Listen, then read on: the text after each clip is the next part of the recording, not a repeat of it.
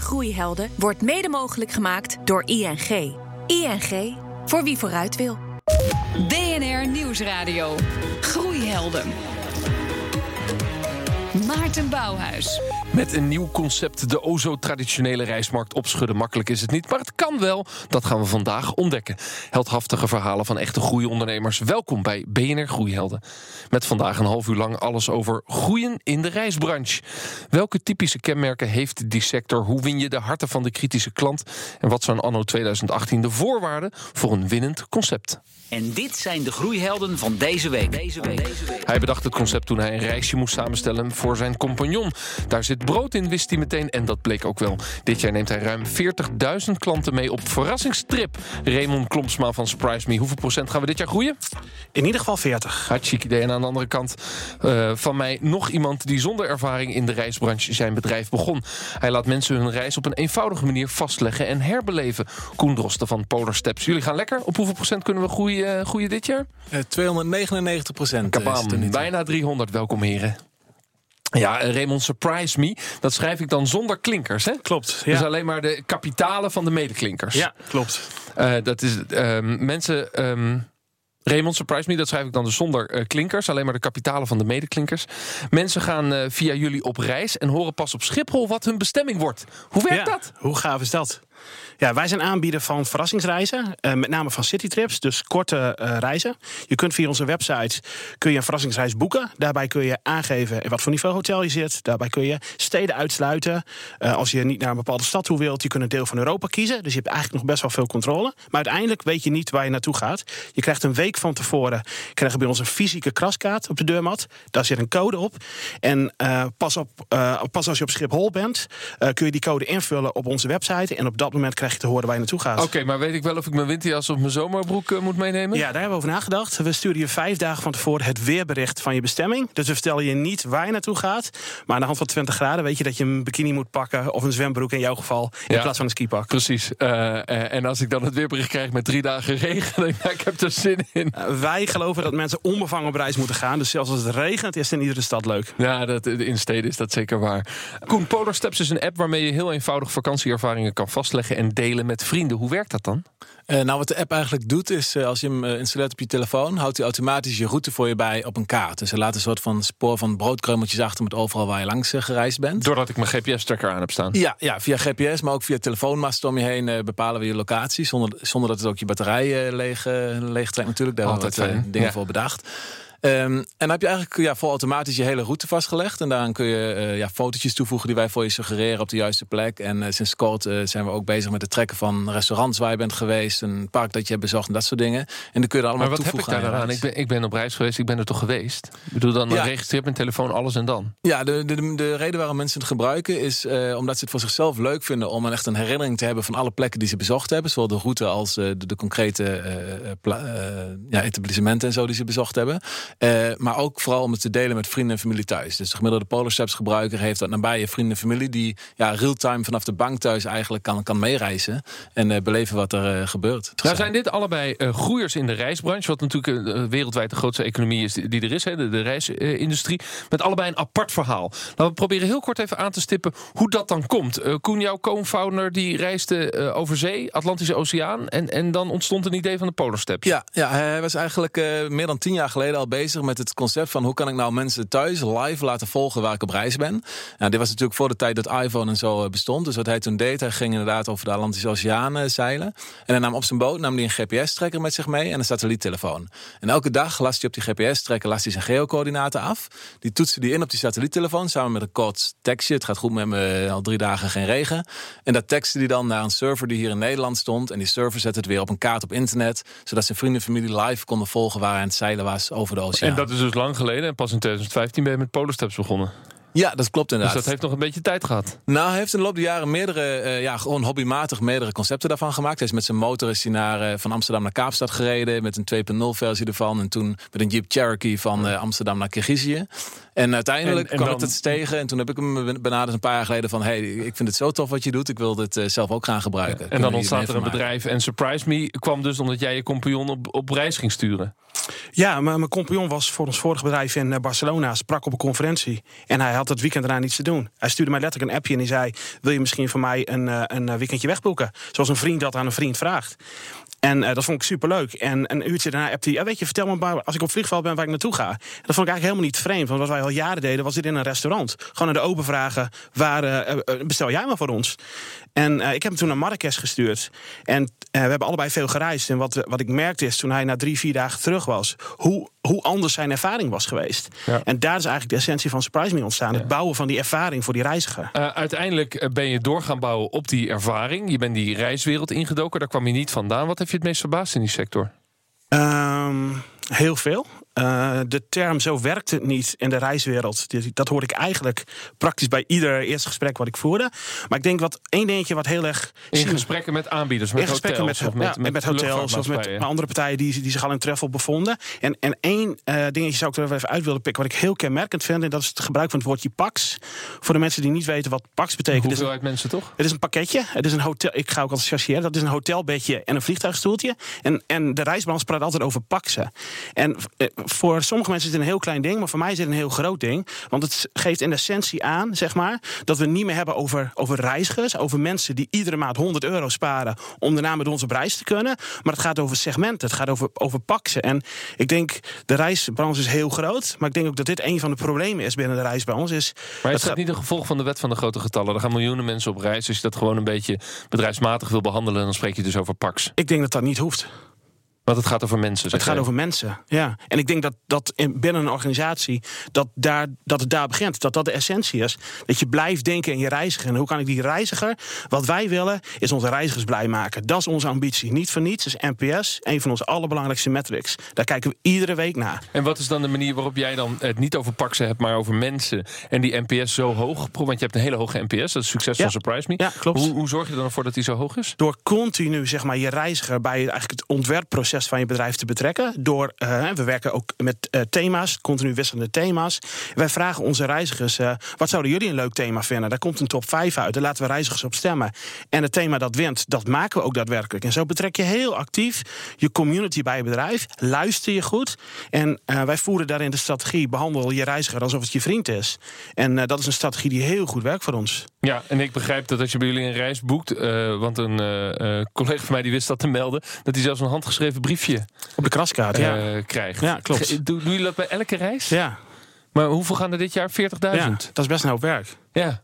Allemaal met een blauwe pen, handgeschreven? Ja, we hebben één iemand uh, die... Uh, die mooi handschrift heeft. Die mooi handschrift heeft en die al die briefjes schrijft. En ik denk dat dat geld beter besteed is dan... En, en maar kijk, uiteindelijk is er een balans. briefjes aan het schrijven dan?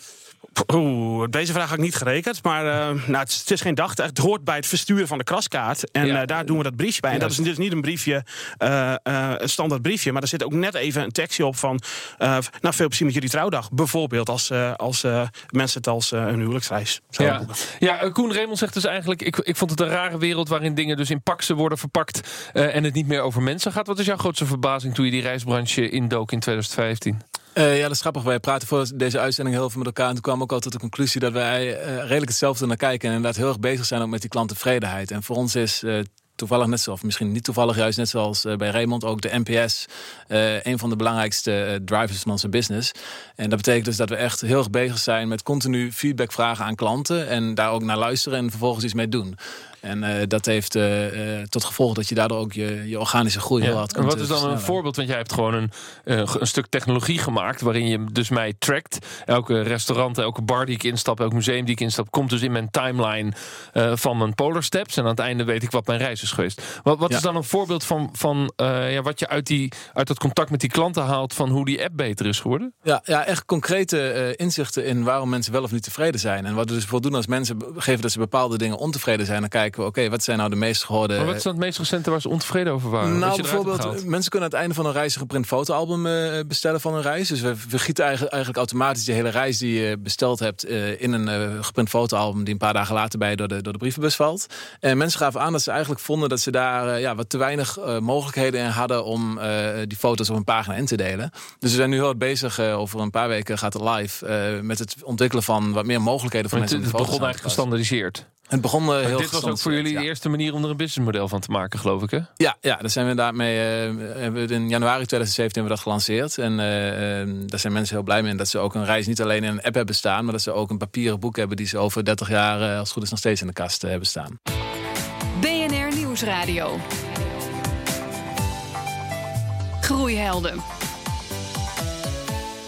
Ja, deze uitzending praten we dus over groeien in de reisbranche. Maar nu eerst onze vaste rubriek over ondernemers die met hun bedrijf de wereld een beetje beter willen maken. Mijn naam is Niels van Buren. Ik ben algemeen directeur van Swink. Swink is een online bureau. Wij leveren content management, data analytics en cybersecurity diensten. De afgelopen jaren zijn we tussen de 30 en 50 procent per jaar gegroeid. En wat ons uniek maakt is dat we alleen maar mensen met autisme aannemen.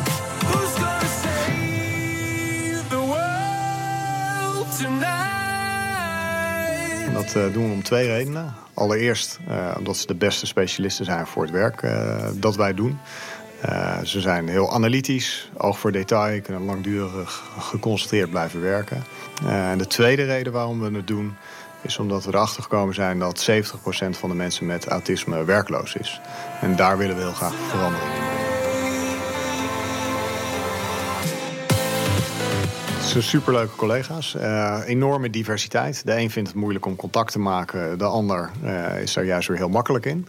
En eh, de algemene deler is dat iedereen heel loyaal, eerlijk, hardwerkend is. super gefocust en geconcentreerd.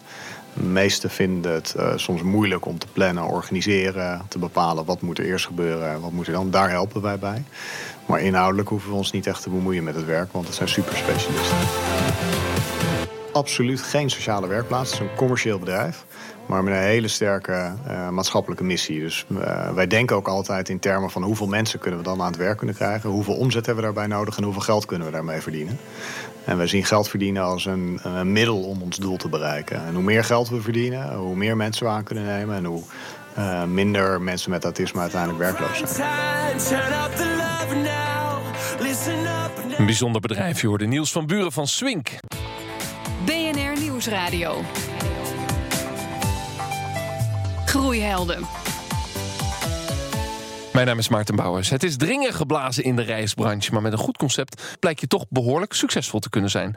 Dat bewijzen mijn groeihelden van vandaag. Raymond Klomsma van Surprise Me, het bedrijf dat organiseert verrassingsreizen. En Koen Drosten van Polar Steps, een app waarmee je in een handomdraai je reis kunt vastleggen. Hebben jullie zelf eigenlijk groeihelden? Ja, nou, sinds mijn zestiende eh een klassieker, Richard Branson. Ah ja, echt een tuurlijk. held, die man. Ja. Maar ook in Nederland, Virgin, eh, ja. je had hem vorige week in de uitzending, Ali Nicknam. Fantastisch. Was een leuk gesprek. Merkenbouwer, productman, eh, gelooft in, in je klant centraal stellen. Ja, echt met hele mooie dingen bezig. Als u het niet gehoord heeft, luister onze podcast terug van vorige week met Ali Niknam. Eh, ja, jullie geven dus beide nauwelijks een euro uit aan marketing. Eh, klopt dat? Eh, dat is natuurlijk relatief. Of is maar dat het bekijkt? Ja, dat is denk ik relatief, maar we geven verhoudingsgewijs weinig geld uit aan marketing. Niet aan klassieke marketing, niet aan, aan grote reclamecampagnes. Nee, 50% van onze ja, nieuwe reizigers komt uit pure word of mouth. Ja, ja, en dat gaat dus eigenlijk vanzelf. Dat gaat, ja, dan moet je. Of heb je een methode om dat te stimuleren? Zoals de HelloFresh dat doet. Dat ik steeds weer bonnetjes krijg voor 20 euro korting voor nieuwe klanten. Dat soort dingen. Nou, ik, ik geloof dat niets vanzelf gaat. In de basis begint het bij een heel goed product bouwen. Eh, in de basis begint het bij heel goed voor je reizigers zorgen. En die combinatie zorgt voor eh, word of mouth. Dat zien wij dus ook. Daarom denk ik dat NPS ook een hele goede drijver kan zijn van groei. Want een hoge klanttevredenheid eh, leidt uiteindelijk tot word of mouth. En leidt uiteindelijk tot, eh, tot, eh, tot die mooie groei. Ja, doen jullie iets aan marketing met Polar Steps? Nee, we hebben ook eh, tot de dag van vandaag een 0 euro aan marketing uitgegeven. Want daar geloof ik niet in. Nou, op zich, nou, voor sommige bedrijven kan het heel goed werken. Het is niet per se dat het goed of fout is, denk ik. Alleen, we geloven wel dat de strategie om, ja, wa- waar wij dus voor hebben gekozen om al je geld te investeren in het ontwikkelen van je product en het beter maken van je product voor je klanten, dat dat eh, ook heel veel groei kan opleveren. Omdat dan je klanten je, je groei gaan verzorgen door hun vrienden erover te vertellen. Het downloaden van de app, app kost niks, geloof ik, hè? Polar Steps. Ja, is Ja, gratis. En dan ga ik dus mijn hele reis tracken. En dan heb jij dus een hele hoop geld geïnvesteerd om mij een soort ervaring te geven. Maar heb je nog geen euro aan mij verdiend. Ja, Hoe los je eh, dat op? Klopt. Nou, aan het einde van een reis kunnen mensen een geprint fotoalbum van hun eh, reis bestellen. Maar hoeveel mensen doen dat echt? Uh, nou, inmiddels een behoorlijke uh, percentage. En wat, wat daarmee te maken heeft, is dat zij uh, eigenlijk... Ze hebben hun foto's toegevoegd en een verhaal toegevoegd. En dat zit allemaal in die app. nou, we hopen zelf uiteraard dat we nog steeds bestaan over 30 jaar. Maar mensen willen hoe dan ook die reis nog kunnen herinneren over 30 jaar. En dan voelt een geprint fotoalbum toch iets zekerder... dan ja, wanneer dat ergens digitaal zou bestaan. Maar de praktijk is hoeveel mensen doen het nu? Uh, op dit moment uh, is er een percentage van ongeveer uh, 3% van de mensen die een reis beëindigen, die ook daadwerkelijk zo'n fotoalbum ja, bestellen. En dat moet groeien naar? We hebben daar geen concrete doelstellingen voor, nee, voor gezet. We zijn vooral nog bezig wel een met... beetje meer om rendabel te kunnen worden, zullen we zeggen. Ja, nou, wat dat betreft, kijk, voor ons gaat het niet zozeer om rendabel worden. Wij, wij vinden de gebruikers gewoon eigenlijk het belangrijkste. Dus in die zin, uh, voor ons uiteindelijk, als wij een groot genoeg gebruikersdatabase hebben, dan zullen daar vele manieren op zijn waarop wij bijvoorbeeld met die fotoalbums, maar ook met planningsactiviteiten bijvoorbeeld uh, geld kunnen verdienen. Ja, maar goed, dus dat is bij ons de focus. Dat is dus de toekomst. Nu leef je van investeerders en, en crowdfunding campagne, geloof ik, hè? Nee, van investeerders, investeerders. en van de inkomsten uit die fotoalbums die we ja, verkopen. Precies. Ja. Raymond, die reis die jullie organiseren, moet je die eerst uh, inkopen? de klant betaalt jou en daarna kun jij Um, laten we zeggen, de aanbieder betalen, het hotel of de vlieg, vliegtuigmaatschappij? Ja, wij kopen geen reis in van tevoren, dus wij hebben geen voorraad op de plank. Het is wel zo dat een reiziger bij ons 100% uh, vooraf betaalt. Uh, wij zijn een margeproduct, dus wij maken daar een. en een wat voor marge moet ik dan denken? Kleine 20% is onze marge. En, en, daar moet je dan je hele operatie van betalen? En daar betalen wij de operatie van, ja. Ja, cashflow is ontzettend belangrijk in onze balans. Het is belangrijk dat je dat goed onder, goed onder controle krijgt. Um, dat is iets ja. wat wij onder controle en, hebben en dat, gekregen. Kijk, dit programma heet Groeihelden. Dat heb je dus als groeibedrijf altijd mee te maken. Ja, absoluut. Nou, ik, ik wil je daar wel een heel goed een voorbeeld. En ik denk ook een mooi voorbeeld voor de luisteraars. Het, het, het eerste jaar, wij zijn in 2014 live gegaan. In 2015 groeiden wij ontzettend hard. En uh, we werden opgepikt via radio, via veel media. En we groeiden ontzettend hard. Maar we hadden eigenlijk helemaal niet de mensen, zeg maar, om dat allemaal weg te kunnen werken. Dus dat betekent dat je wel heel veel reizen had, wat eigenlijk succes was. Maar niet de mensen had. En daar heb ik geleerd hoe belangrijk marge is in travel. Dus omdat je natuurlijk heel veel reizen had die geboekt waren, die moesten nog wel, wel weggewerkt uh, worden. Daar zat een tussen. Dat is allemaal goed gekomen, hebben we allemaal geregeld. Maar heeft wel heel veel marge gekost en daarmee dus business. BNR Nieuwsradio. Groeihelden. Als ondernemer kom je soms op het punt waarin je zegt... we gaan het helemaal anders doen. Collega John van Schagen zoekt die bedrijven op... en reisde deze week af naar Rotterdam. Ja, je moet maar durven. De meest renderende tak van je bedrijf afstoten... en weer helemaal opnieuw starten. Terug naar de roots van je onderneming. Ja, dat is wel wat Dirk-Jan Dokman van CX Company twee jaar geleden deed. Dirk-Jan, um, jouw bedrijf in 2015. Vertel even, wat deden jullie? Wij deden van alles en nog wat op het gebied van digitaal klantcontact. We deden uh, webcare voor grote bedrijven als KLM en Philips. Uh, we deden consultancy over hoe richt je nou goed klantcontact in. En we hadden technologie om klantvragen volledig geautomatiseerd te beantwoorden. Chatbots, virtuele assistenten. Ja, maar toen opeens op een avond dacht je het moet helemaal anders. Nou, we zaten eigenlijk, we verdienden geld met het uh, social bedrijf, want daar hadden we heel veel mensen in zitten. Uh, maar we zaten, waar zit nou de grootste groei en waar worden we het meest warm van? En dat was onze technologie. Die zagen we van wereldklasse zijn. En daarom hadden we besloten om daar eigenlijk al ons geld en al onze kracht en onze ondernemingsenergie in te stoppen. En wat heb je toen concreet afgestoten? Wij hebben toen het merendeel van het bedrijf wat services deed. Dus, dus webcare voor bedrijven, consultancy. Dat hebben we verkocht. En het technologiebedrijf hebben we, uh, wat veel kleiner was, uh, hebben we gehouden. Nou, je vertelt het nu alsof het een beslissing is geweest die je van de ene op de andere dag hebt genomen. Maar ik neem aan, daar heb je wel even over vergaderd. Ja, met mijn uh, collega-ondernemers en ook wel met, met het team. Want we kregen af en toe ook wel eens een keer terug natuurlijk van wat zijn we nou? Zijn we nou een technologiebedrijf of zijn we een servicebedrijf? En je kan je misschien ook wel voorstellen dat technologieverkopers is weer wat anders dan een, dan een serviceverkoper. Dus er was ook nog wel binnen het bedrijf van uh, een identiteitsvraagstuk. En uh, dat borrelde wel. Ja, maar dat betekent ook dat je jouw hele webcare-afdeling hebt afgestoten, terwijl dat eigenlijk best goed rendeerde. Het rendeerde heel goed en we hadden daar ook uh, veel belangstelling voor om dat te kopen. Want het, was een snel, het is een snel groeiende tak uh, met uh, nou, vele ontwikkelingen in dat, in dat veld. Met hele tevreden klanten, met goede marges. Dus allerlei dingen die voor een potentiële koper ook wel heel interessant zijn. Maar was het dan niet moeilijk om juist die tak gewoon af te stoten? Ja, en aan de andere kant, als je Iemand van een groot onderzoeksbureau uh, zei tegen mij van... Het, uh, die technologie van jullie, dat is het beste wat ik ooit heb gezien in de wereld. Waarom doe je dat? Waarom zijn je alleen nog maar in Duitsland, Engeland en Nederland uh, bezig? en dat triggerde wel van... Ja, waarom moeten we dat niet helemaal wereldwijd gaan brengen?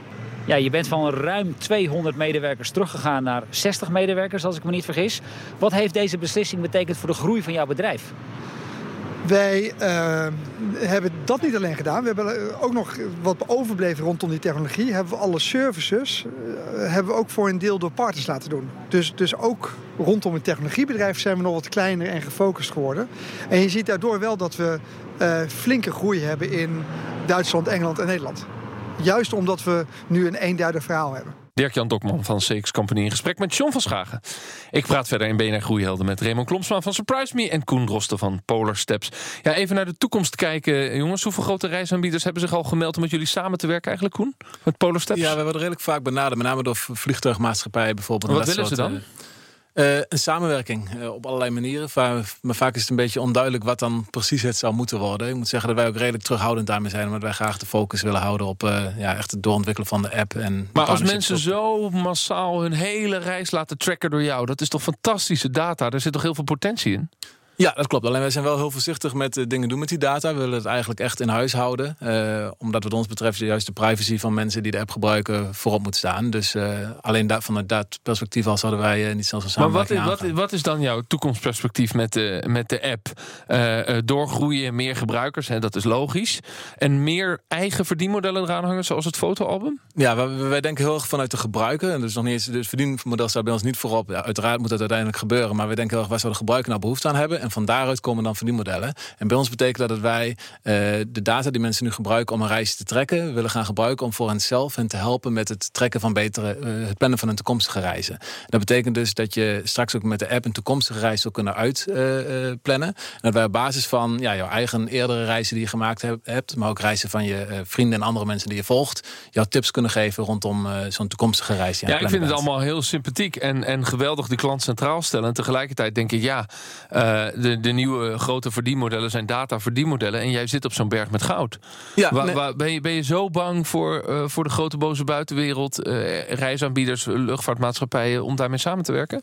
Nou, dat is niet zozeer angst, maar het is, uh, bij ons staat inderdaad de gebruiker voorop. En dat betekent dus dat wij uh, liever zullen kiezen voor het beschermen van die data... dan dat we per se uh, grote samenwerking aangaan. En we denken ook goed dat we het zelf zullen kunnen. Dus hoe wij dat zien is dat mensen zo meteen met de app... binnen de app een reis kunnen trekken. En uiteindelijk als ze dan een hotel gaan boeken... dan verdienen wij daar uit, uiteraard geld aan. Dus dat betekent wel dat ze naar booking.com gaan... om zo'n uiteindelijke boeking te verrichten. Alleen dat hotel zijn ze tegengekomen binnen onze app. Dus in ja, die zin zit daar wel een soort van... kickback fee op? Ja, precies. Dus er zit wel een soort van samenwerking in. Maar zijn geen diepgaande samenwerking waarbij je data gaat uitwisselen met andere partijen. Ja, ja precies. Raymond al mensen aan de lijn gehad uh, die Surprise Me willen overnemen? Nee, nog niet. Nee, ik heb wel eens uh, met wat grote reisorganisaties gepraat die benieuwd waren naar hoe wij dingen deden. En dan ben ik misschien een iets wat te naïeve ondernemer, dat ik daar dan niet over nadenk dat er misschien meer interesse is. Dus dan ga ik natuurlijk helemaal los met mijn verhaal. Want ik geloof volledig in het concept. Nee, maar geloof je als ondernemer ook in het delen van, van dingen die er gebeuren achter de schermen om met elkaar beter te worden? Ja, absoluut. Of, ja. of, vind, je, of vind je jezelf dan toch naïef na zo'n gesprek? Nee, helemaal niet. Nee, nee, nee. Het is meestal de andere mensen die tegen mij zeggen... Uh, nou Raymond, uh, goh, wat naïef dat je niet, dat niet in de gaten had... maar ik voel dat helemaal niet zo. En misschien is dat niet voor niets waarom ik als... Uh, we als bedrijf als doel gesteld hebben... dat we 1 miljoen mensen in de komende jaren... een onbevangenheid terug willen geven door middel van een verrassingsreis. Want dat is iets waar ik echt in geloof. En je zit nu bijna op de 100.000. We zitten, gaan dit jaar, we hebben er een weddenschap op lopen in het bedrijf. Dat zijn van die dingen die binnen een bedrijf als ons heel, heel, heel, heel belangrijk zijn. en waarschijnlijk gaan we voor het einde van het jaar... onze 100.000 reiziger verwelkomen. Er, ergens tussen kerst en oud en nieuw een spannend momentje bij jullie gaat die honderdduizendste reiziger vallen. Maar toch zou het niet een mooi vehikel zijn van TUI of Kras, waardoor je in één keer een bak financiering erbij krijgt om harder te kunnen groeien? Net zoals bol.com over werd genomen door Ahold, even in, in, perspectief. Ja, ik denk dat het ontzettend belangrijk is uh, uh, dat uh, mocht dat ooit in de toekomst gebeuren, en zoals ik zei, daar zijn helemaal geen plannen voor, daar lopen geen lijntjes voor, maar mocht zoiets in de toekomst gebeuren, dat het gaat om die ervaring. En als we ervoor kunnen blijven zorgen, zeg maar, dat die reiziger voorop blijft staan, dat de ervaring voorop blijft staan, ja, wie weet wat de toekomst ons brengt. Ik heb toch het idee dat ik met een ondernemer te maken heb die liever als Pieter Zwart Coolblue zelf hard blijft doorgroeien. maar we gaan het zien in de toekomst. Ik dank de goede helden van deze week. Raymond Klomsma van Surprise Me en Koen Drosten van Polar Steps. Terugluisteren en delen kan natuurlijk via de BNR-app op Spotify en iTunes. En misschien wel een linkje in Polar Steps. Daar zijn trouwens ook alle andere afleveringen te vinden. Volgende week praat ik met twee nieuwe groeihelden. Dan gaan we het hebben over groeigeld. Tot die tijd zou ik zeggen, blijf lekker doorgroeien. BNR Groeihelden wordt mede mogelijk gemaakt door ING. ING, voor wie vooruit wil.